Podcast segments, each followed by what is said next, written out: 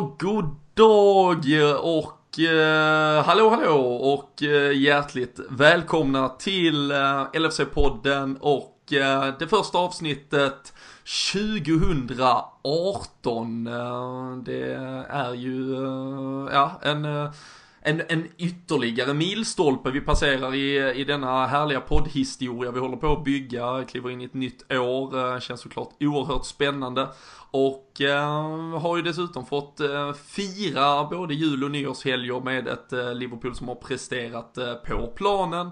Och eh, än så länge då i alla fall i styrelserummet eller på transferfronten åtminstone Virgil van Dijk som ni kunde höra oss prata om i eh, sista avsnittet för 2017 är ju klar. Eh, nu är det väl surret kanske på utfronten som däremot håller en vaken om nätterna men det ska vi såklart komma tillbaka till och eh, som sagt på planen spelmässiga insatser att eh, imponeras över på flera olika sätt och eh, vi kommer ju verkligen att kickstarta året eh, i eh, full jäkla fart här. Som sagt, eh, mycket matchande att eh, titta tillbaka på, massa sur vid sidan av att bita tag i och eh, så har vi dessutom en Everton-match, ett derby återigen och speciellt kanske med tanke på vad som hände för en dryg månad sedan när det var Merseyside-derby och sådär. Så extra nerv och eh, lite sådär kittlande känsla i magen inför det, om ändå i FA-cupen. Och eh, vi eh, kliver såklart in i detta året, precis som vanligt med LFC.nu vid vår sida. Och och dessutom i eh, numera vanlig ordning också med spelbloggare.se eh, hand i hand här. De eh, kör ju dels på sin sajt, man får ju liksom rejäla matnyttiga tips inför i stort sett varje Premier League-match, toppmatch ute på den europeiska fotbollsscenen. Och eh, sen så kör de även nu, de har dragit igång en Facebookgrupp Uh, speltips, uh, speltipsgruppen där, uh, ja men där du, jag, vem som helst kan eh, lägga upp sina tips. Liksom man kanske bevakar lite mindre ligor, suspekta sporter, vad vet jag, någon eh, indonesisk speedway eller något annat som man kanske kan casha in lite på inför, inför året. Januari är ju lite rötmånad vad gäller ekonomin ibland också, så det kan ju vara gött och eh, uh, ta rygg där på några experter. Eh, men experter på Liverpool eh, vågar jag inte kalla mig själv så jag har tagit hjälp i alla fall. Dagen till ära, Fredrik Eidefors och Christian Andersson. Vi kan börja där. Christian i din ände som är Norrköping för stunden. Hur är läget? Det är bra tack. Det är dags att börja jobba snart igen. Det har varit härlig julledighet och nyårsfirande så det är fint. Mm. Har du fått ta uh, lite sådär lagom långledigt rent av? Ja, det är väl nästan två veckor så att uh, en vecka nästan spenderas nere hos familjen i Svenljunga och tog med dottern ner då. De har inte träffat henne på ett tag och sen har jag varit i Karlstad under nyår så jag har egentligen inte varit i Norrköping någonting utan jag har flängt lite men det har ändå varit lugnt och skönt så att känner sig ändå utvilad. Och eh, Premier League har hunnit spela ungefär en halv säsong där under ledigheten så det är, det är, det är gött. Man, man har bara legat framför tvn och ja. käkat choklad och knäckt nötter och kollat Premier League ungefär så världsklass. Uh, Fredrik, uh, du, har fått, du har fått slita lite mer. Men, uh, så ja. någon ska ju fan göra det också. Ja, för mig betyder det snarare mer arbete än mindre i december och runt julen. Så att eh, nej, det har varit eh, det har varit eh, tufft att försöka matcha in det med de här tidiga matcherna men man har försökt sätta på dem på jobbet och kolla så mycket man kan så att jag har inte missat någonting så att det har funkat rätt bra ändå. Och, och om nu någon sitter där hemma och tänker fan är det så att Eidefors jobbar som jultomte så är det ju att du jobbar inom detaljhandeln som... Precis, som, som, kan, som, man kan se mig som det ungefär. Li, lite, lite med, med, reservationen för att du tar jävligt bra betalt för, eh, för att dela ut klapparna helt enkelt. Så är det, så är det. Snyggt det. Ehm, får väl ändå börja nu. Eh, det är ju första eh, avsnittet eh, sedan den där stora smällen som, som ni båda är med i. Jag och Daniel satt ju här för ett par dagar sedan. Vi ringde upp Kalle som var på plats i Liverpool. Jättekort egen kommentar från dig Fredrik först och främst. Virgil van Dijk. Den där mittbacken har vi ju skrikit efter ett par år. Ja, och vem trodde att det skulle hända i januari dessutom? Det, det var ju inte, ja det hände faktiskt lite innan januari, men det blev officiellt i alla fall.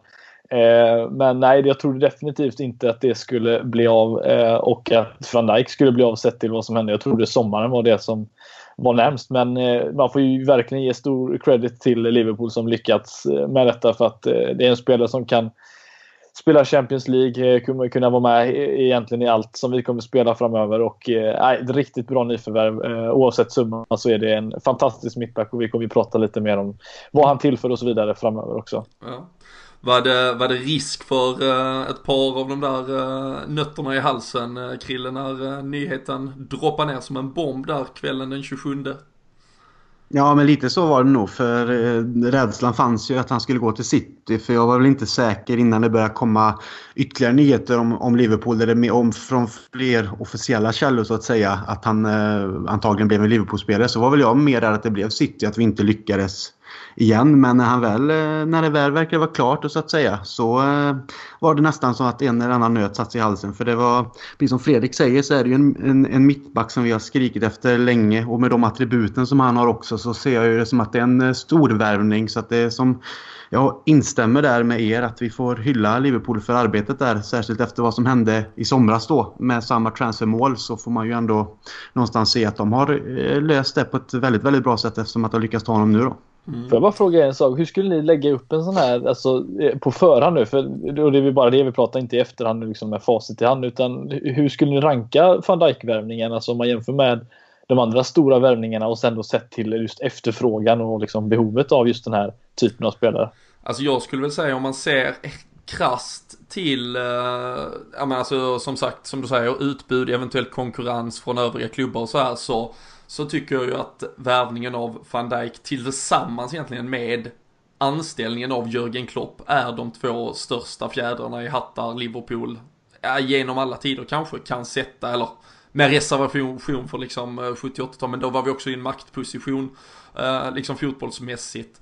Men eh, tittar man en Torres, en Suarez, det var ju spelare som, de hade ju inte nått sin prime. Torres gräns... Torres var ändå, det, det, han var ändå det, så pass det var, namn, abs, abs, Absolut, Torres kvalificerar nog i, i samma, ja, åtminstone i närheten av samma liksom eh, kaliber eller eh, ja, men klass på det sättet. Men Suarez, Coutinho, eh, Firmino, även han egentligen, det är ju spelare som har blomstrat i Liverpool, även alla om vi tittar Xabi Alonso, en Mascherano, det är klart de kom liksom ett, ett fint renommé från, från tidigare klubbar, men men där det var så tydlig, ja men kamp faktiskt från andra, nästan med all respekt, alltså ja men större klubbar rent av. Om, för City lär faktiskt ha haft ett seriöst intresse så tycker jag att eh, det är en av de värvningarna vi någonsin gjort som, som slår allra högst faktiskt. Mm. Christian, är det samma tankar. Ja men, ja, men det är väl lite så ändå. För som, som du nämner där Robin så är det ju de flesta spelarna som vi har värvat under de senaste 10-12 åren är ju spelare som inte har varit eh, stjärnspelare egentligen utan de har utvecklats hos Liverpool. Du nämnde till exempel Sabelonso, Mascherano.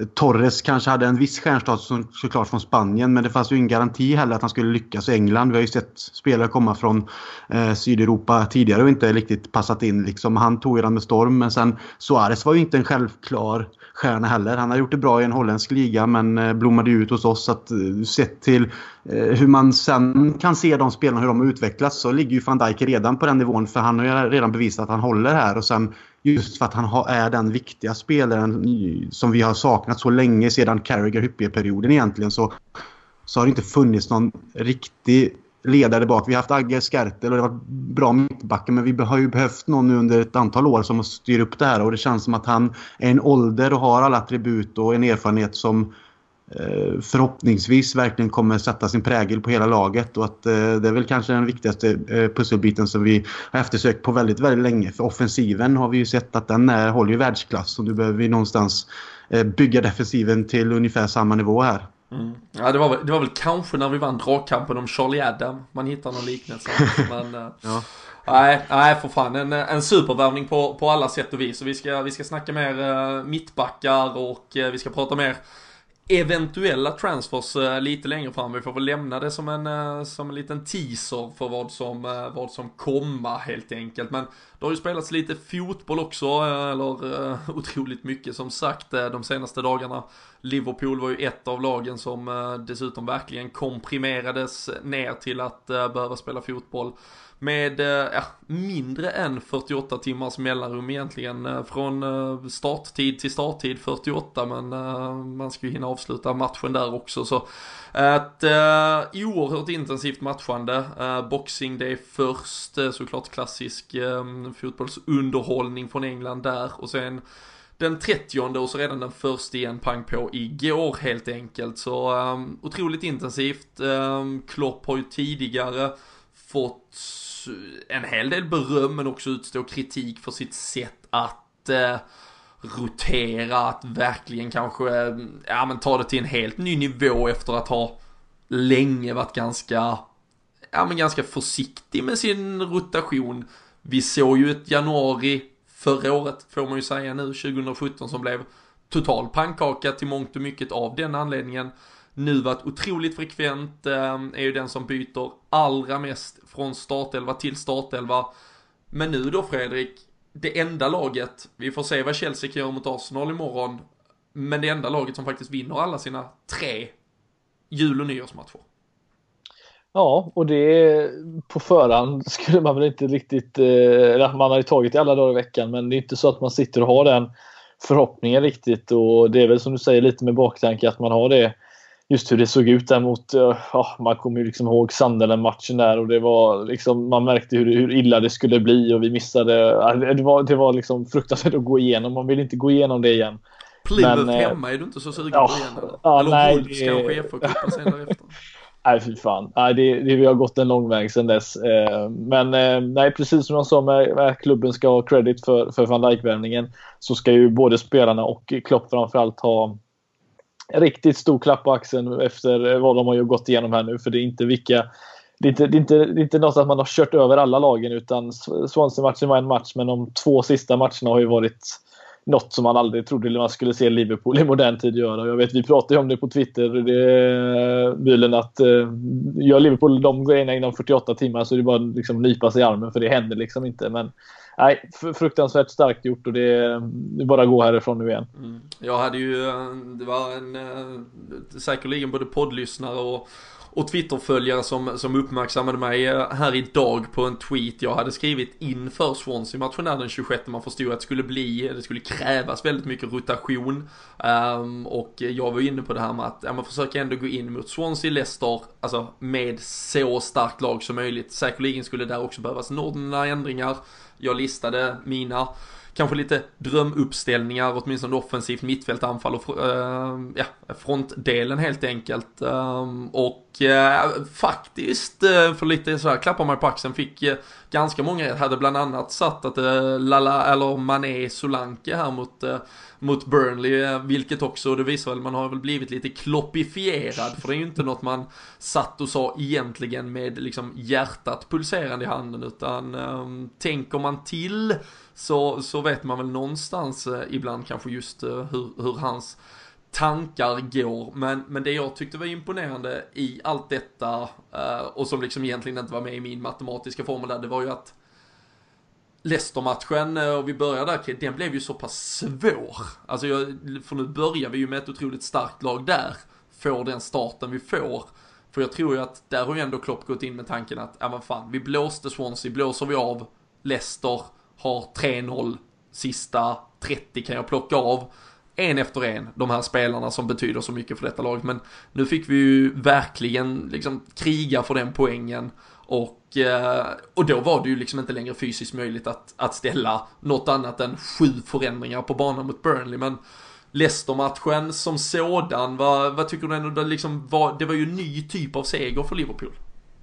Ja, alltså jag tycker ju Först och främst som du säger med den starten där så tanken är väl som du säger från Klopp att man kan på hemmaplan eh, med all respekt då kanske köra över Leicester med ett antal mål och sen plocka av för att vila och få bättre förutsättningar mot Burnley. Men eftersom det blir som det blir så behöver vi jaga för att få de här poängen ändå. Eh, men sen matchen överlag tycker jag ju ändå att Liverpool Alltså, de, de skapar ju mycket chanser. Vi har, många, vi har några offside-mål. Eh, relativt bra spel tycker jag också. Men sen så lyckas vi faktiskt vända och det är väl det som vi inte har sett så mycket av egentligen. Så den mentala biten är ju det viktiga här att bygga vidare på.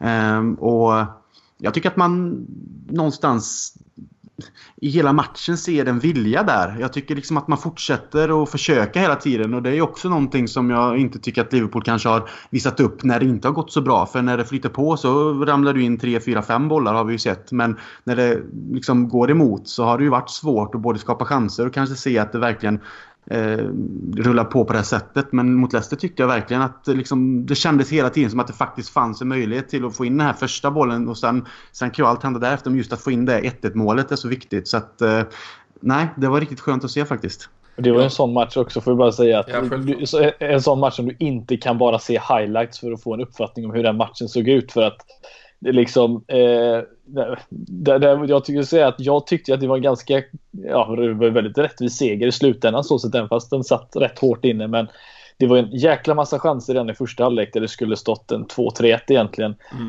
Men samtidigt så, så fanns det perioder i matchen där vi såg väldigt, väldigt långt mellan lagdelar. Leicester såg ut att verkligen kunna hålla bollen. Det var ju framförallt i början av första halvlek, eh, andra halvlek innan Salas 1-1 mål kom. Och då kändes det nästan uppgivet att vi kom inte i närheten av det. Vardy och Mares framförallt liksom sprang åttor runt omkring oss. Så att man, man, måste verkligen ha sett den här matchen för att ha fått en uppfattning om hur, hur, hur tajt det här ändå var trots att målchanserna var övervägande då för Liverpool. Men nej, det var, den satt verkligen hårt inne och det är sådana här matcher som, som verkligen man tar med sig snarare mer än en 7-0 vinst skulle jag gissa som en professionell fotbollsspelare.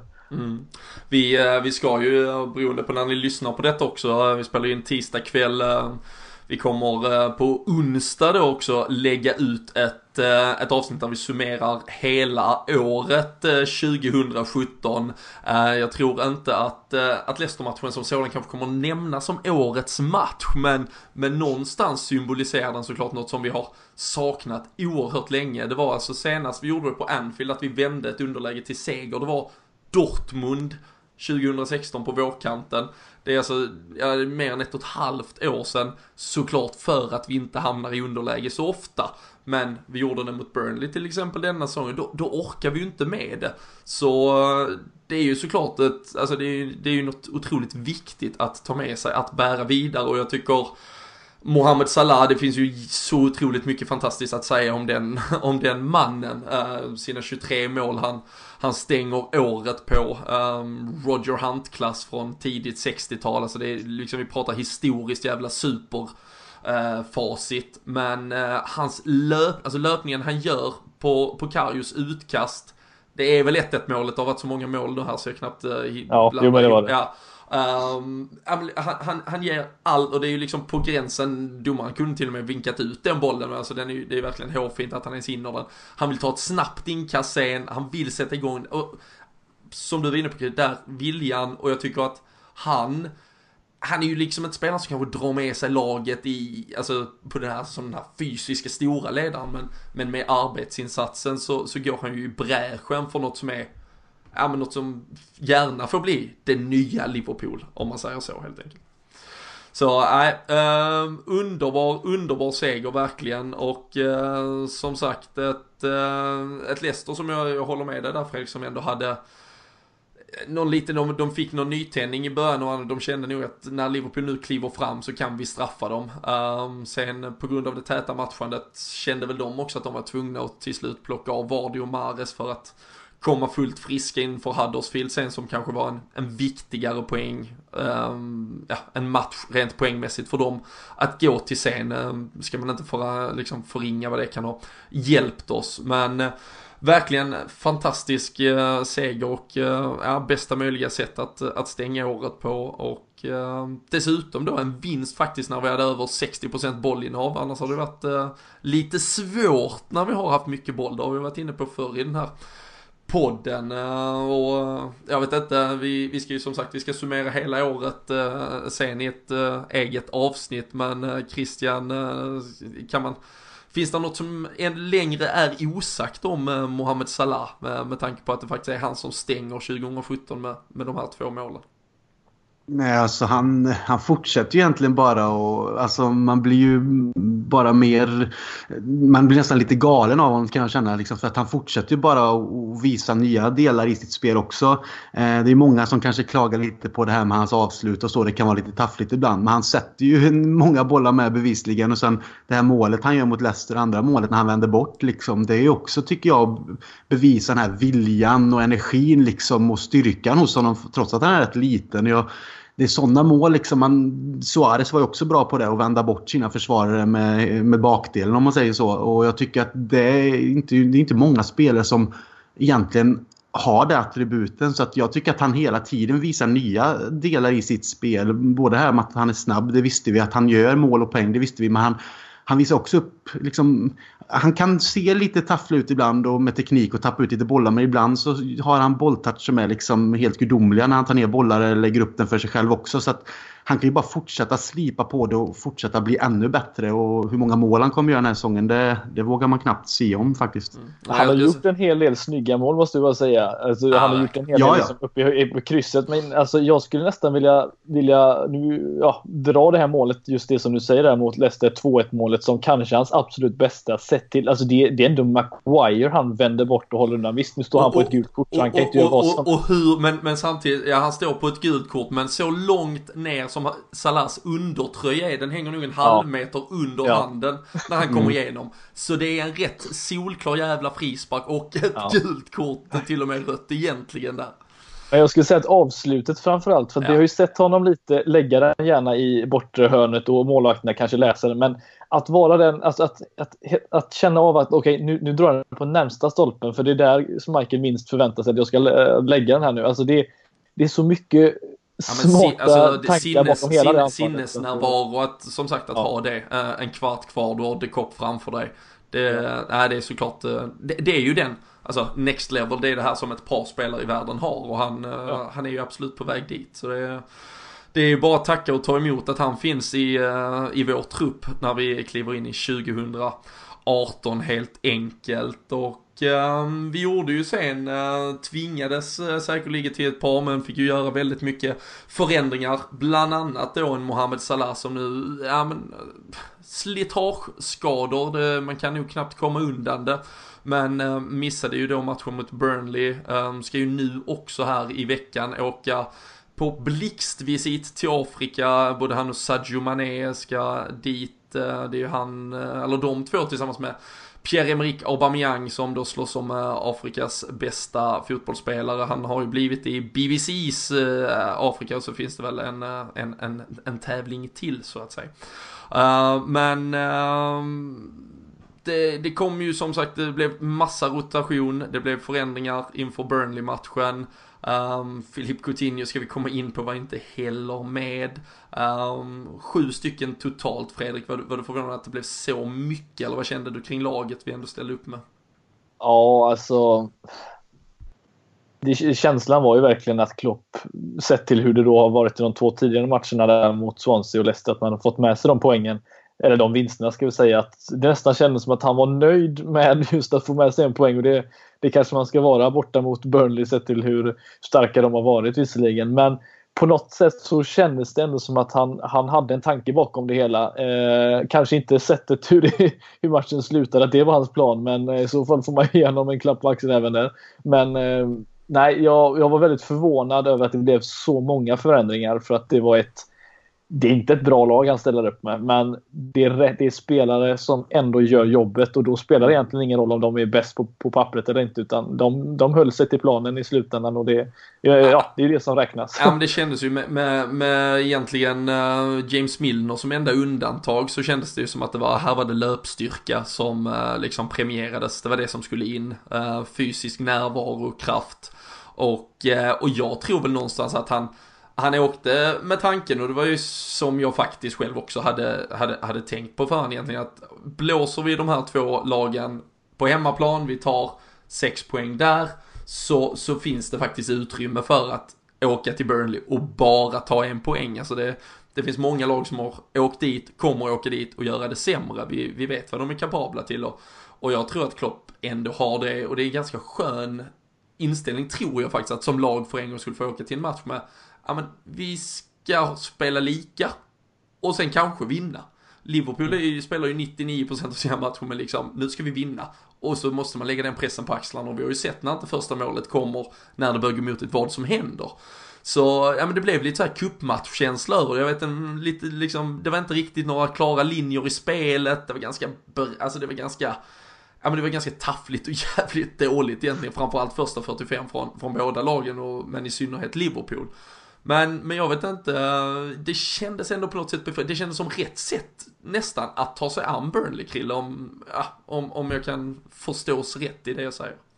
Ja, men lite det här att någonstans eh, initiera att det fanns liksom lite av deras egna, egen medicin i vårat sätt att spela mot dem. För att de är ju ett fysiskt eh, lag som är väldigt svåra att möta på det här sättet. Och det kändes som att vi någonstans, precis som du säger, att när vi har tagit de här poängen på hemmaplan så kan vi ändå åka dit med tanken att ja, men vi, vi liksom, ett poäng är vi nöjda med och sen förhoppningsvis kan vi vinna. Men då ställer vi också ut på plan ett, ett lag som orkar springa, som orkar fightas mot, mot Burnley så som de spelar. Så att eh, ja, jag tror att eh, Jag tycker att det var bra av Klopp att han valde den här approachen för att det känns som att det någonstans ändå tog oss hela vägen nu. Visst, vi, vi kommer in på det med hur vi gör sista målet och det, men det är ändå någonstans så tycker jag ju att Burnley, det är ett fåtal chanser såklart och det, de kan göra mål men någonstans så tycker jag inte att det var Burnley kom inte upp till den fysiska kapacitet som man har sett dem göra mot andra eh, större lag också och tagit de här poängen som de har gjort för de har varit så bra. Jag tycker att Liverpool ändå höll tillbaka dem eh, bra.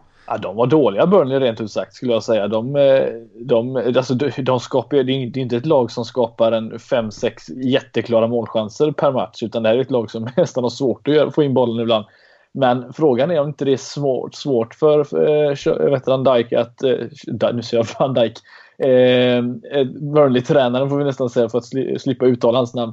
Eh, att komma till den här matchen och känna att han har ju tränat på att ha en Firmino, en, en Mané, en Salah Coutinho att, att hålla koll på. Och sen plötsligt så är det en, en helt annan spelplan som han ska anamma och det kan inte heller vara lätt. Så att, Nej, och, nä, och nästan säger, att vi lägger över lite favoritskap på dem helt ja, plötsligt. Att ni, ja, ni är ju hemmaplan, ni har er startelva, vi gjorde sju ändringar och slänger in Solanke ja. på topp. Liksom, vi, vi är inte här för att spela fotboll så mycket utan vi väntar och ser vad ni har att erbjuda.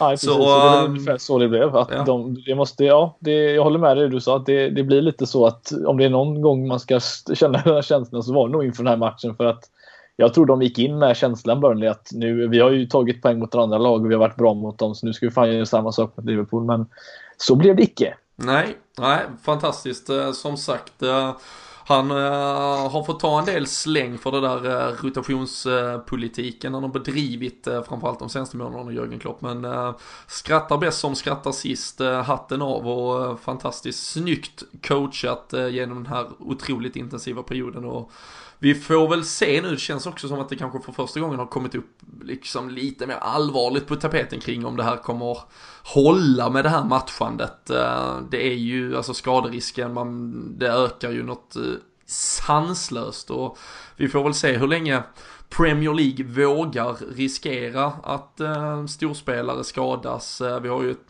FA-cuphelg som kommer nu där troligtvis alla Premier League-lag kommer att vila sina bästa spelare, vilket också såklart förringar något de ändå är väldigt stolta över på de brittiska öarna. Men eh, Liverpool tog sig alltså ur det med 9 av 9 poäng, så för vår del nu, eh, lite lättare att säga, så, så var det såklart eh, en otroligt lyckad period. Och eh, kort för Liverpools del, eh, Krille får vi säga, Adam Lallana fick vi se tillbaka också tidigare, bara två korta inhopp nu från start och utmärkte sig väl framförallt med en otroligt stark defensiv lösning, eh, löpning i första halvlek. Men hur eh, tyckte du han såg ut annars eh, i den här då mer slitiga matchen än kanske den där som erbjöd massa fart och finess?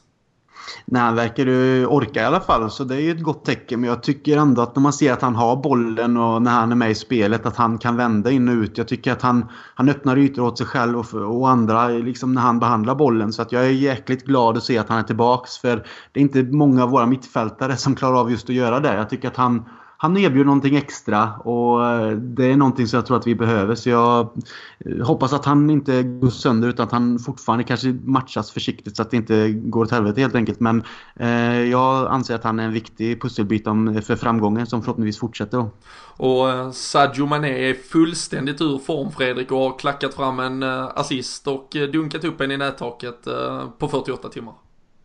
Ja, men det, jag skrev faktiskt innan matchen att det, det, var den här matchen som Mané skulle liksom visa att han, eh, nu när de andra var borta, att han skulle vara den stora stjärnan. Och, eh, ja, han fick ju i alla fall vara en, en, stå, en, stå för en stor del av det, men eh, han har precis även han då mycket kvar innan han är inne i sin storform. Men Eh, poängmässigt så på bortaplan verkar han på senare tid i alla fall ha gjort bra ifrån sig så att eh, han kommer bara bli bättre det, är fall. Faktiskt det är ganska intressant. Jag, jag satt faktiskt och kikade på lite statistik på hur han har presterat denna säsongen kontra förra säsongen eftersom uh, många, liksom det, gemene man hemma i stugan verkar ju sitta och svära lite över hans insatser på senaste tid men han producerar faktiskt mål och assist mer frekvent denna hösten än vad han eh, över hela säsongen gjorde förra. Då hade han ju såklart ett par djupa dippar men, men jag tror det säger, jag tror att Sadio Mané denna hösten, alltså det som säger mest om honom just nu är hur jävla bra de andra har varit. Förra året så, så bar han ju till mångt och mycket laget i stunder när han gick i sönder, när han skulle på afrikanska, ja men då fanns det ju knappt ett lag kvar. Då, då hade vi inget så vi kunde liksom agera och leverera med.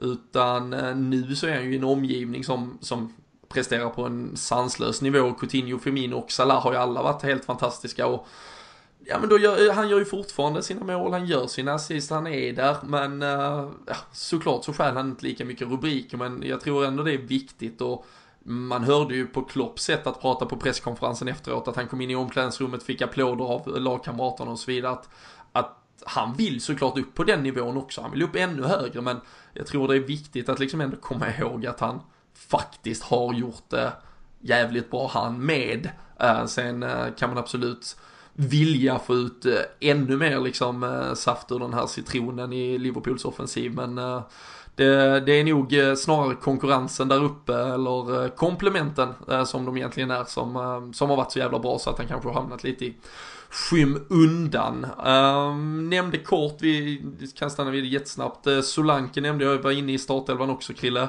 Um, det vill sig inte riktigt för honom denna säsongen. Mm, nej, det, alltså han har ju potential. Jag tycker att han visar ändå att han har någonting men det är väl det är svårt att komma in kanske och, och, på något sätt eh, hålla en nivå som våran trio där uppe normalt sett gör. Eh, men han kanske behöver, han behöver mer tid och kanske en utlåning och mer alltså förstalagsfotboll för att utvecklas kanske innan han kan eh, bidra på det sättet som vi hoppas med i Liverpool. Men Eh, potentialen finns där men eh, att han, eh, han såg lite svag ut tycker jag nu mot Burnley och det hände inte så mycket. Så att nej, vi får se om han får fortsätta och komma in från bänken istället och, bidra på det sättet. Det känns ju, och det, och det är ju det jag tycker, alltså ett, ett klassiskt plan B. Vi, vi ser ju mot West Bromwich till exempel kommer ju in och gör ett mål som visserligen då blir avvinkat, men det, det, kan han ju få vara, men det känns som att vi tappar. Nu, nu var ju nog som sagt målbilden inte att gå in och föra den här fotbollsmatchen, men vi såg han även mot Everton hemma. Jag tycker vi tappar lite liksom USP i vårt, i vårt anfallsspel. Ehm, jag vet inte om du håller med Fredrik, men det känns som att, att den här, att gå in i en, att, att axla ändå en roterande startroll lite då och då. Den nivån känns det inte som att han har än. Nej, nej, men han har inte det och jag ser väldigt mycket Origi-syndrom i den här killen. Eh, han kan bli en fantastisk anfallare i framtiden och det finns ju spelare som inte når den, den nivån förrän de är 24. Han är, är 19, 20. Eh, kom upp när de är 26 år till och med. Så man vet ju aldrig hur lång tid det tar för dem att komma in i det. Men det är väldigt mycket, mycket borra ner. Eh, huvud. Jag skulle nästan säga att han, han känns som att han vill bevisa mer. Han vill göra de svåra grejerna före han gör det enkelt och eh, på det sättet, han kommer nog aldrig nå den nivån för han har insett att han måste göra det enkelt för att sen kunna göra de här svåra delarna. Det är ju så alla de andra toppspelarna där uppe som vi har har, eh, har fått gå igenom så att eh, det finns inga genvägar för honom skulle jag säga och jag hoppas att han tar sig, får den tiden också. Eh, för att det kändes inte som att Origi, förutom vid den tidpunkten, när var det, förra säsongen, när han fick en 5-6 starter i rad. Ja, och våren 2016 där ja. också när han mål borta mot Dortmund och så vidare. Där hade han ju ett Just par, fyra, fem ja, men, ja, precis. Och, det, och, han fick ändå den möjligheten och sen kommer ju tillbaka spelare som gjorde att han inte fick spela då. Men jag, jag har svårt att se att han ska axla den rollen om inte Origi kan göra det. Och eh, Frågan är om inte egentligen Origi är en bättre fotbollsspelare i grund och botten. För jag ser dem väldigt liknande spelare i form av att de är unga, valpiga har mycket kvar att lära men att Origi har lite mer spetskompetens. Men vi får väl se vem som... All, alltid lite farligt också med spelare som slår igenom i, alltså såklart i unga dagar, han var, ja. han var utmärkt i ett, i ett U20-VM, men, men där hans styrka mycket ligger i fysiken. Han, var, han är ju tidigt utvecklad såklart, stor, stark, snabb, bra, alltså attribut som som på, om vi ska kalla det en ungdomsnivå trots allt, gör att du får en liten fördel. Um, sen hinner det spelmässiga och fotbollshjärna och annat i kapp här om två, tre år och då är det det man plötsligt mäts på. Och ehm, som du säger, det kan finnas ett Origi-syndrom i det. Ehm, men vi får, eh, vi ska såklart inte döma någonting på, på de här insatserna än så länge. Men, men det känns ju, det, börjar ju pratas liksom, nu öppnar transferfönstret. Vi vet att ett Wolfsburg till exempel, som, eh, de har ju släppt Mario Gomes ehm, som konkurrerar i den där anfallsrollen med Origi. Origi sägs ju vara deras etta nu, verkar ha ett intresse av att köpa honom. Eh, Daniel Sturridge och Danny Ings sitter ju båda två på ganska osäkra framtid. Men, men jag tryckte, hoppas ju verkligen inte vi lossar ut så friskt så att vi står kvar med Dominic Solanke ensam som ett alternativ till Firmino i eh, offensiven. Även om Mohamed Salah nu ligger nästan längst fram av alla när man tittar på diverse heatmaps från, eh, från matcherna där. Men eh, vi, har, vi har mycket kvar, vi har mycket vi får tugga vidare här eh, och lämna Solanke där an så länge. För det blev ju en helt annan och från ingenstans matchavgörare i uh, det här uh, jäkla kriget som utspelades uh, på Turf Moor och från ingenstans assisterad av assistkungen DN Lovren så knoppade Ragnar Klavan in Sista struten 2-1. Två sekunder kvar av klockan, 93.58 tror jag den stod på. Och eh, ja, vad fan, hela, hela Estland förtjänar ju en eh, stor eh, kärlekskram Christian efter, eh, efter den där insatsen. Ja, det var underbart var det. För att det känns som att det var länge sedan man fick den där äh, riktiga... Man, liksom, man, verkligen, man hoppade upp i soffan och liksom, gjorde en riktig punch upp i luften och höll på att dra näven i taket.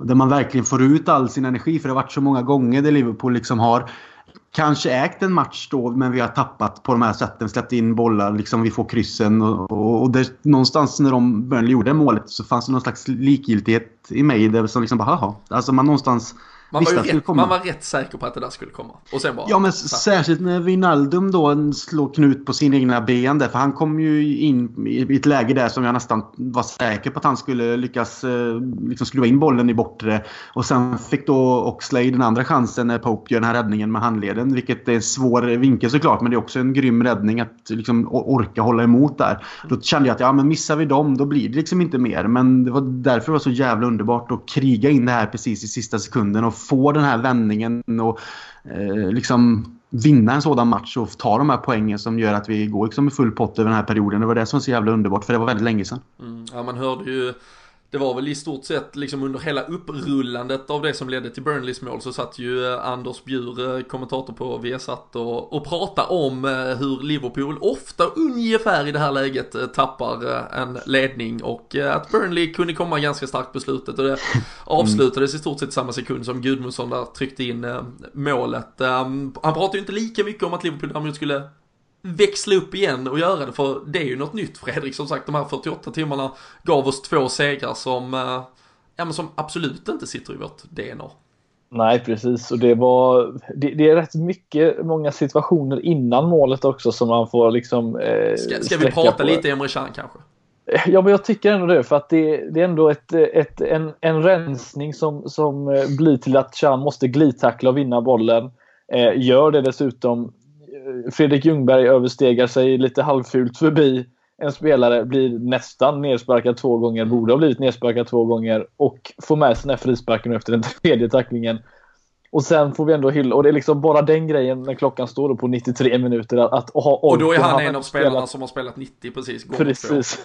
ja, det, det, är helt, helt fantastiskt måste man säga. Och sen att eh, Oxlade Chamberlain hittar den eh, fantastiska bollen också till, eh, till eh, Lovren som gör en väldigt svår nick framförallt och når Klavan. Och jag tror inte det finns någon Liverpool-supporter som var säker på att han skulle hålla nere flaggan, den linjemannen. För jag var helt säker på att det skulle vara offside. Det hade varit så typiskt oss när Arsenal har gått två säsonger och två skitmål på exakt samma ställe också på Turf Moor. Så att, eh, nej, det var ju, det var ju liksom eufori rakt igenom. Det var ju ett sånt där mål som man, som Krille säger, aldrig någonsin får uppleva om man inte har sett Dortmund ganska nyligen i matchen. Den matchen de gick vidare och vann. Men eh, nej, det var helt sjukt. Eh, nej, och, han får göra det också. ja, verkligen. Och, det, och, och som sagt, det, det, det, är så många delar i det där. Alltså, Emre Can verkligen en stor jävla hatt av där. Eh, Oxlades, återigen vi pratar sinnesnärvaro, att liksom vara fokuserad när, när det pulsar som det gör i benen antagligen i det läget. Det är fantastiskt bra inspel. Jättebra av Lovren, jättebra av Klavan. Faktiskt också ganska dåligt av Burnley ska sägas. Förvånansvärt dåligt faktiskt att behöva försvara med så högt ställd eh, försvarslinje eh, i det läget och få liksom attackera egen målvakt för att försöka få bort det. Men jag var också helt säker på att oavsett om vi nu lyckas göra det, vilket i sig var sjukt, så, så måste det ju finnas en domare som drar ner detta för annars, eh, annars är det ju liksom kors i alla jävla tak och sånt brukar man ju inte liksom, eh, man upplever det inte så ofta så eh, nej, eh, verkligen. Det är väl bara att skicka klavan till drottningen och ge han någon Sir-titel eller allt möjligt annat han förtjänar. Det ryktas ju såklart redan om Barcelona och andra diverse storklubbar kring honom. Det är ju ganska... Men det, mm. det, men det komiska är ju just då att vi har värvat van Dijk Precis, så att det är Lovren Klavan som är sista pusselbiten för det här målet som kämpar in det här. Liksom. Det är Lovren som nickar ner den och Klavan som slänger sig fram på sånt där riktigt krigarmaner. Och så har vi då värvat eh, van Dijk för de här pengarna och han sitter och tittar. Då blir liksom så här, det, skulle, det känns som det skulle aldrig hänt annars. Det är liksom men, bara därför. Liksom. Fick inte ni, ja, jag fick i alla fall känslan att deras glädje också var lite extra stor just på grund av det nästan. Lite så. jo, men det är absolut, det finns någonstans den tanken i, bak, i bakhuvudet. Man, man, man måste ju undra, så Klavan får man ändå se, ja, ni kanske inte håller med mig, men jag tycker ändå han av, av våra försvarsspelare kanske har varit den absolut bästa de senaste veckorna och, och, att liksom bli belönad också på det sättet. Det, det är det man tycker om när, när folk jobbar hårt och blir belönade för arbetet. Och det, nej, man, oavsett om man vill att man ska erbjuda eller ersätta honom eller någon annan med van Dijk och någon till så, så gör de ändå det de ska göra. Eh, det senaste perioden i alla fall och det, det får man ge dem. Mm. Jag, jag, skrev ju också det på i, i all, som sagt nu, nu nämnde jag själv Barcelona och sådär så jag skoj, vi skojar så, såklart eh, det är värt att liksom förtydliga men, men det var ju mycket liksom det här surret på sociala medier igår men liksom i all den där ja, men, ironin och sarkasmen så, så vill jag liksom ändå sticka ut eller, det som Ragnar Klavan faktiskt har presterat de senaste två månaderna i stort sett har ju varit otroligt bra. Sen Matip gick i sönder här för en tid sen, Klavan och Lovren blev liksom mittlösa. De gjorde ju ett par riktigt fina insatser tillsammans. Även hade vi, Lovren hade sin miss mot Everton, eh, Mignolet tvåla till det lite efteråt och sådär. Men, men Klavan har ju faktiskt varit den, den kanske bästa och eh, vi pratar ju jag och Danne om att troligtvis ändå är Matip och van Dijk som kommer bli det, om vi ska säga, det nya mittlåset. Men Fredrik, hur känner du där kring, finns, finns det någon liksom twist i det? Kan det vara någon, eh, någon, någon, någon annan lösning tror du? Um, eller är det ändå liksom klippt och skuret att det är så där det är tänkt? Ja, det, det, jag funderar på bara, och det har varit kul att även höra era tankar om detta, det är ju att eh, vanligt, vanligtvis när man kikar på de här fina mittbacksparen runt om, ja vilken klubb du än kollar, så, så är det ju inte ofta det är två identiska typer av mittbackar som, som spelar tillsammans. Du har ju en kanske mer bollförande och en lite mer som läser spelet på ett annat sätt, lite mer fysisk. Men van Dijk och Matip är ändå rätt lika. Jag, jag skulle gärna se van Dijk vara den bollspelaren egentligen, fast Matip har ganska fina fötter ibland också. Men frågan är om de inte är för lika. Det är egentligen den twisten jag kan se och att det i så fall är van Dijk som går över till en högre position i, och, och får se eh, Klavan kanske spela fram tills Matip kommer i form. Men eh, det är väl det enda jag kan se om det skulle vara ett, en, en anledning. Annars så tror jag att det blir Matip och, och Van Dijk i slutändan ändå. Ja, ja nej, det känns ju som det, som det troliga på sikt. Men som sagt, det har ju varit eh, skadebekymmer där också. Så det, vi får eh, se vad, eh, vart, vart det bär och se vad som eh, till slut eh, händer såklart eh, på den fronten. Vi vi, vi har skenat iväg här, det har blivit mycket snack som sagt, det har varit väldigt mycket fotboll, det är väldigt mycket att tugga i sig. Um, Everton uh, som väntar i FA-cupen, uh, eh, väldigt, väldigt kort om den, men uh, Christian du Du har ju bott på plats, följt det nära. Vi pratar om vad ett Everton, liksom derbyt betyder egentligen. Att Klopp kanske inte riktigt såg matchen så som fansen gjorde i ligaspelet för ett par veckor sedan. Risken är väl ganska överhängande att han kanske inte riktigt ser den så nu heller som vi var inne på det här med ja men matchandet, man måste vila någonstans. Everton däremot kommer från två raka nederlag och känner väl någonstans att de har allt att vinna här. Eh, och en säsong som troligtvis kommer landa någonstans i mitten av tabellen när allt summeras. Mm, det är lite svårt eftersom att det är just Everton vi möter och att det blir ett derby igen då och att det är FA-cupen som ändå anses av supportrarna i England vara liksom en väldigt... Eh, alltså, det, det, är en fantastisk kupp liksom och det är den kuppen man såklart vill vinna om man inte är med i Champions League då för den är väldigt åtråvärd och är, det är väl den äldsta i världen också om man ser till eh, kupper så att eh, den är lite svår nog just för att det är de här matcherna, att det har varit mycket spel och att det är slit på, skador, eh, på spelare och lite skador hit och dit. Men Ehm, ja, det kommer väl antagligen. Det känns ju ändå som att han satsar mer på att fortsätta på eh, den inslagna vägen i ligan och sen mot Champions League och att det kan bli lite vila mot Everton också. Men det, det är ändå FA-cupen och det är mot Everton så jag hoppas ju någonstans ändå att det, den mentala biten att ta med de här, eh, det positiva från de här matcherna vi haft nu just när att vi har kunnat vända matcher och vinna som sagt borta mot Burnley. Att vi kan ta in den fighting spiriten mot Everton som inte riktigt fanns i ligamatchen senast. Så tror jag att vi faktiskt tar dem ändå oavsett om vi vilar eh, kanske då stjärnspel om man säger så. Hur, Everton är inte bra ja. nu alltså. De är, de är inte bra alltså. Jag satt och såg dem igår eh, mot, eh, mot Manchester United. Jag såg dem ju såklart då mot oss också de senaste. Men de, har, de är under isen alltså. De har inte mycket, mycket gameplan, eh, gameplan eh, när de går in i sina matcher. Så att jag, jag tror också att lite rotation inte ska påverka att vi ska gå och slå dem här nu. För att vi, eh, vi, vi förtjänar ändå det på något sätt efter vad som hände senast. Så att, eh, eh, jag tror på lite rotation men en, en klar seger i slutändan ändå. Mm, saken är väl eftersom att det ändå är den... Jag kan känna lite så. Hade det varit något annat lag så hade det inte kanske spelat mig så stor roll. Och det gör ju inget om vi roterar heller. Men det är just det här när det är Everton. Så det, för mig som supporter betyder matchen då något helt annat. Och därför vill man ju någonstans ändå känna att viljan finns från spelen också. Och laget att det här är ett derby. Att det inte bara... För förra gången var det väldigt tafatt tycker jag. Och det, det, det är ju tråkigt. Så jag, även som du säger Fred här att även om de är så dåliga så vill jag någonstans ändå att vi går in med det här och, och någonstans ska vi visa vad skåpet ska stå liksom och sätta dit lillebror som vi kallar dem och att det blir en sån känsla kring det när det ändå är FA-cupen också. Hade det varit ett annat lag som sagt så är det fine men nu blir det ändå eh, antagonisterna i staden så att säga och då, då känns det ändå viktigt och då, ja, då är jag väl kanske lite, ändå lite inne på att man kan riskera någon spelare om det skulle vara så bara för att sätta dit dem. Mm.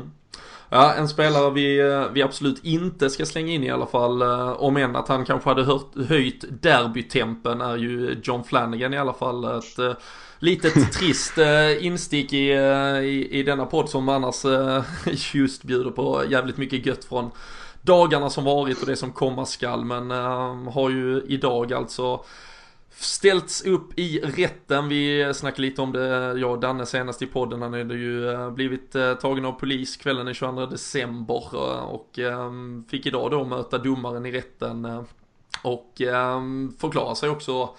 Ja, där fanns ju videoövervakning som bevisade allting ganska tydligt. Men ehm, har alltså misshandlat sin flickvän utanför en nattklubb i Liverpool. Och jag känner ju bara spontant, alltså jag, jag, jag kräks så jävla mycket på hela den grejen överhuvudtaget. Och eh, om, om jag inte liksom kräktes tillräckligt på John Flanagan som fotbollsspelare så hoppas jag nu fan innerligt att droppen eh, har eh, fått bägaren att rinna över totalt. Eh, det är 17 december får han sitt straff, men som sagt han har själv erkänt att det finns video bevisning på, på det mesta här och eh, jag vet inte, vi, vi ska inte bli långrandiga i detta men, men nog fan måste här någonstans vara, vara någon form av stopp för den redan miserabla fotbollskarriär han har försökt bedriva. Ja, alltså han har ju ingen, ingen framtid i Liverpool överhuvudtaget. Eh, sitter väl dessutom på ett förvånansvärt högt kontrakt eh, sett till det sen tidigare. och inte mycket han tjänar men en sån spelare ska, som, som inte har någon framtid som dessutom går att göra detta. Det, det finns ingen anledning att ha, att, eh, att ha kvar ett sånt kontrakt utan det är, det är inget som Liverpool bör, eh, bör stå bakom. Eller, ja, man ska inte liksom låta sånt till, tillåtas så att det är bara att, att riva kontraktet och, och gå därifrån skulle jag säga. Om det nu finns en möjlighet att bara göra det. Ja, och framförallt, det får ju säga, alltså det, det, spelar ingen roll att det är John Flanagan. Om än att nej, det får det väldigt mycket alltså gör det väldigt enkelt för mig att liksom dra den uh, slutsatsen. Men, uh, men det här är ju på nivå, alltså kvinnomisshandel, vet, alltså det finns, inte, det finns inte så jävla många saker som är värre uh, i dessa tider liksom där, där mycket har blossat upp till ytan kring hur folk har betett sig och vad det har lett till och förlorar man de flesta jobben genom ett såklart jävligt odrägligt beteende, mycket historier som har dragits till ytan men, men är man en man och kan sjunka till nivån att man kan slå en kvinna, eh, sparkat på henne dessutom finns det bevisning för då då, liksom, det, det, det är så jävla förkastligt så det, nej det finns, det gör mig fan, du, du får ta mm. över bollen Krille för den, den gör mig upprörd. ja, men jag håller ju bara med och instämmer. Liksom, det finns ingenting mer att göra tycker jag än att Liverpool någonstans, eh, ja, det ska liksom bara ta och bryta det kontraktet och så gå skilda vägar. För vad man än anser om John Flanagan som fotbollsspelare och att han är liksom en scouser och att han ändå var i truppen och fine sedan tidigare då. Men efter det här så spelar det liksom ingen roll och det är som du säger Robin, det är ju, spelar ingen roll vem det är. Oavsett om det hade varit en spelare, ledare eller vad som helst så är det inte acceptabelt. Så det, jag hoppas att de sätter liksom verkligen de visar, Liverpool som klubb visar att det inte är okej okay att, eh, att, eh, att man inte får bete sig så och verkligen gå, liksom, ja, ta den hårda vägen och bryta kontraktet med honom. Mm. Verkligen. Och eh, nej som sagt, eh, vi får ändå avsluta någonstans i, eh, jag vet inte om det blir dur men vi får avsluta på lite eh, roligare ämnen i alla fall. Och som sagt det är ju su supersilly tider, eh, transferfönstret är väl det man firar in med pompa och ståt där på tolvslaget i stort sett. Uh, om än att uh, man som sagt nu sover fan med en klump i magen, uh, Fredrik. Uh, Philippe Coutinho, påhejad av Nike, påhejad av Barcelona, gamla lagkamrater och så vidare. Och eh, det som jag i alla fall såg som fullständigt omöjligt för ett par dagar sedan, när jag och Danne satt och snackade, jag kunde inte ens se Barcelonas mening att vilja värva honom nu. Eh, han får inte spela för dem i Champions League, de har ju i stort sett ska man väl nog kunna säga redan vunnit ligan dessutom. Uh, men när han inte var i truppen igår så, så tändes där ju en och annan gnista. Uh, för att liksom, uh, ja, säga, säga ja. något lindrigt kring Ja, nej men alltså det... Jag, jag, jag förstår ju att han vill dit, men jag, jag kan heller inte förstå, alltså, som du säger, han, han kommer inte få spela Champions League. Det är liksom det, det, finns ingen anledning alltså att, att göra detta nu och framförallt för Liverpool som då stod, stod så hårt mot Barcelona i somras och säger nej. De kommer dessutom inte få mindre pengar till sommaren heller och att tappa sin absolut bästa spelare i mitten av säsongen när man har lyckats ta sig vidare i Champions League. Man ligger just nu bra till i ligan. Det, det ska inte finnas någonting. Inte ens, inte ens en, två miljarder ska få dem att vilja sälja för de pengarna kommer de tjäna in lätt genom att spela Champions League. Och det, nej, det, jag hoppas verkligen inte att det går så långt. Och, för att det, det går inte att ersätta honom bara sådär. Och, eh, nej, så att, jag hoppas verkligen inte det är sanning bakom det och att, och att han inte liksom ja, blir sådär men, ledsen. Vad, vad, vad, säger, er, vad säger era magkänslor kort på dig Fredrik först? Nej, jag tror inte han lämnar. Betryggande att ha, eh, sitta i din ja. famn eh, just nu i alla fall. Christian, är du lika, har du lika mycket is? Nej, alltså nervositeten finns faktiskt där. Men jag tror heller inte han lämnar. För jag kan heller inte, precis som Fredrik säger, kan inte se klubben någonstans. Det, det finns ingen logik och ingen... Alltså, det finns ingenting som talar för att det skulle vara alltså skulle gå att genomföra sett precis som Fredrik precis har förklarat. Så att jag känner bara att nervositeten finns det för man vet aldrig. Men att om gör de det så jag kommer vara förbannad och nästan se det som ett hån mot, ja, mot supportrar och alla som stöttar klubben egentligen på det här sättet. För står man så fast för det som i somras och man då nu går bra i ligan, man har Champions League och allt det här. Alltså varför? Det finns liksom ingenting, inget smart svar på det. Så att nej, håll på honom liksom till sommaren och så låt det vara till dess. Ja, ja, vi får verkligen hoppas det. Och, och som sagt det var ju många som eh, slog på trumman att eh, FSG ändå spände ett par eh, muskler i form av den här van Dijk-värvningen. Och den, den känns ju som att den får jävla massa bitter eftersmak om, om det blir ett eh, Coutinho uttåg bara en dryg vecka senare. Så det för allt i världen och som sagt matematiken eh, i det, jag kan inte se eh, någon vinnare egentligen på en förhastad övergång redan i januari. Eh, det är väl någonstans ett Barcelona som är lite likgiltiga i det, en Coutinho som eventuellt kan vara nöjd men han bör ju vilja spela liksom Champions League med Liverpool kan man också tycka. Avsluta i liksom riktigt jävla storartad stil. Och nej, och Liverpool framförallt står ju med lång, alltså, och verkligen brallorna ner och har blivit en superförlorare äh, på fönstret. Om än att det ryktas eh, lite, Riyad Mahrez, Thomas Lemar, det tog fart igen såklart, men det är väl det där 1 plus 1, liksom ett hål som eventuellt eh, uppkommer som i så fall ska fyllas. Men känslan annars kort summerat Fredrik kring det här transferfönstret. Tror du det kommer hända något mer på Liverpool-fronten? Och då, då räknar vi kanske inte in John Flanagans förhoppningsvis brutna kontrakt och uh, ett par utlåningar i, i lägre regioner så att säga. Nej, jag tror att det inte kommer hända så mycket mer nej. Eh, jag tror att Klopp bara kände av att, att få in van Dijk, att få den möjligheten är, är det som var kvar. Eh, så jag tror att det, det kommer vara ganska lugnt. Eh, skulle Coutinho gå då tror jag det kan bryta helvetes loss för då behöver de verkligen göra någonting. Men jag tror inte det kommer bli av som sagt. Skulle ju vara lite kittlande med ett 2011 där eh, Coutinho går och liksom tre spelare ska in på deadline. Det är i stort sett. Ja, nej, men det finns ingen spelare där ute som skulle kunna göra detta som Coutinho gör just nu ändå. Så att, nej, inte ens de största bombarna hade fått mig att må bra om Coutinho hade lämnat. Hade ni, ta hade ni tagit, jag kan skicka den till dig då först Christian, hade ni tagit att Filip Coutinho säljs i januari och att Riyad Mahrez och Thomas Lemar kommer redan i januari? Mm, nej. Och uh, det, det baserar du på? Ja, det är jag mer just att Coutinho som han spelar i Liverpool nu och känner alltså hur laget känner honom och allt det här. Nya spelare, även om de är duktiga spelare, eh, både Mares och Lemar, så är det ju liksom man ska komma in i en, i en, ny klubb och man ska lära känna sina medspelare och kanske nya sätt att träna. Vi såg ju att Oxlade hade lite problem med det också. Han har själv uttalat sig om just det här med att man måste lära sig hur Klopp vill spela och allt det. Så att jag tror att det bara förstör utan förhoppningsvis rulla på med Coutinho där alla bara känner alla och så gör det här till sommaren i så fall så är jag nöjd och glad. Fredrik, uh, hade du börjat bli lite småsugen?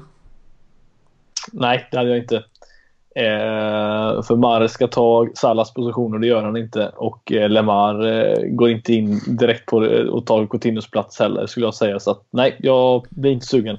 Nej, nej för fan. Lyssna här eh, FSG. Uh, vi, vi, De lyssnar väl på oss? Jag, jag utgår från det.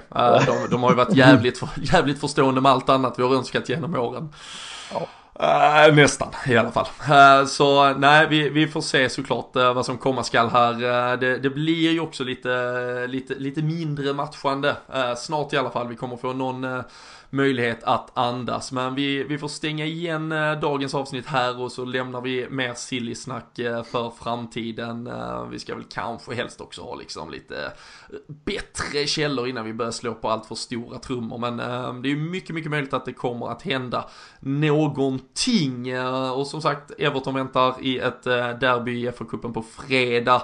Och eh, vi är tillbaka igen, beroende på när du lyssnar på detta, med ett extra avsnitt eh, som kommer på onsdag. Eh, och eh, där summerar vi hela 2017. Där delar vi ut priser till eh, årets eh, spelare bland annat. Årets mål, årets eh, händelse, massa härliga grejer. Så Sitt, äh, fan, sitt inte och trösta länge. Vi, vi är tillbaka om äh, bara några timmar i stort sett. Så äh, tack för att ni har lyssnat äh, idag. Fortsätt göra det. Följ oss på lfc.nu. Äh, ehm, följ supportklubbens arbete där. Följ oss också i våra sociala kanaler och så ehm, ta rygg på spelbloggare.se.